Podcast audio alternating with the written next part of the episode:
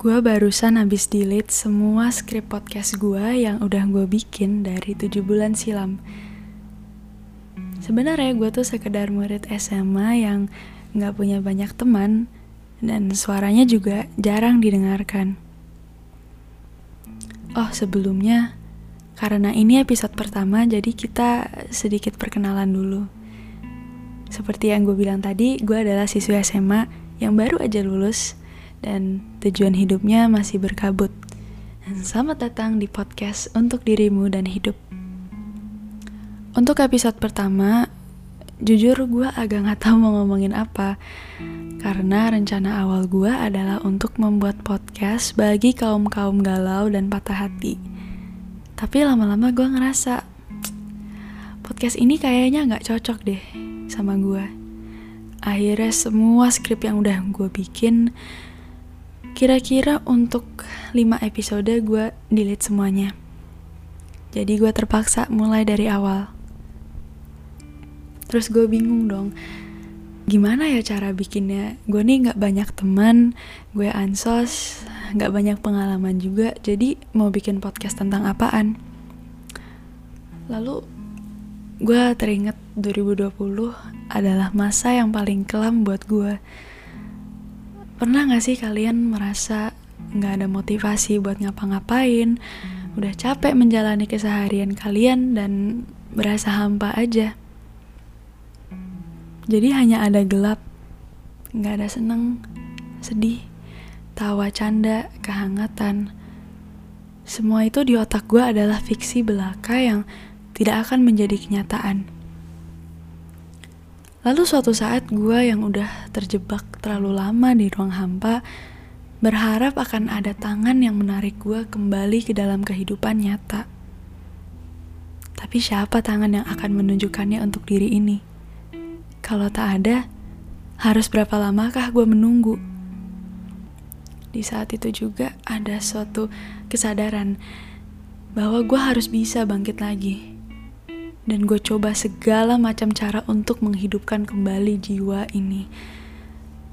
Bangkit, kemudian jatuh lagi, lalu bangkit dan jatuh lagi. Terus begitu sampai ah, pada suatu saat gue gak bisa tidur dan kepikiran.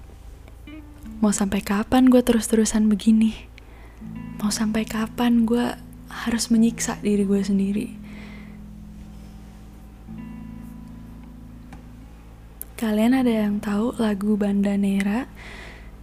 Judulnya yang patah tumbuh, yang hilang berganti. Ada bagian dari lirik lagunya yang cukup berkesan buat gue dan akan gue bacain. Yang patah tumbuh, yang hilang berganti, yang hancur lebur akan terobati, yang sia-sia akan jadi makna, yang terus berulang suatu saat henti yang pernah jatuh kan berdiri lagi. Lalu gue tersadar bahwa gue terlalu terpaku dengan luka masa lalu yang pada akhirnya terjatuh dalam ruang hampa dan tidak tahu cara untuk bangkit.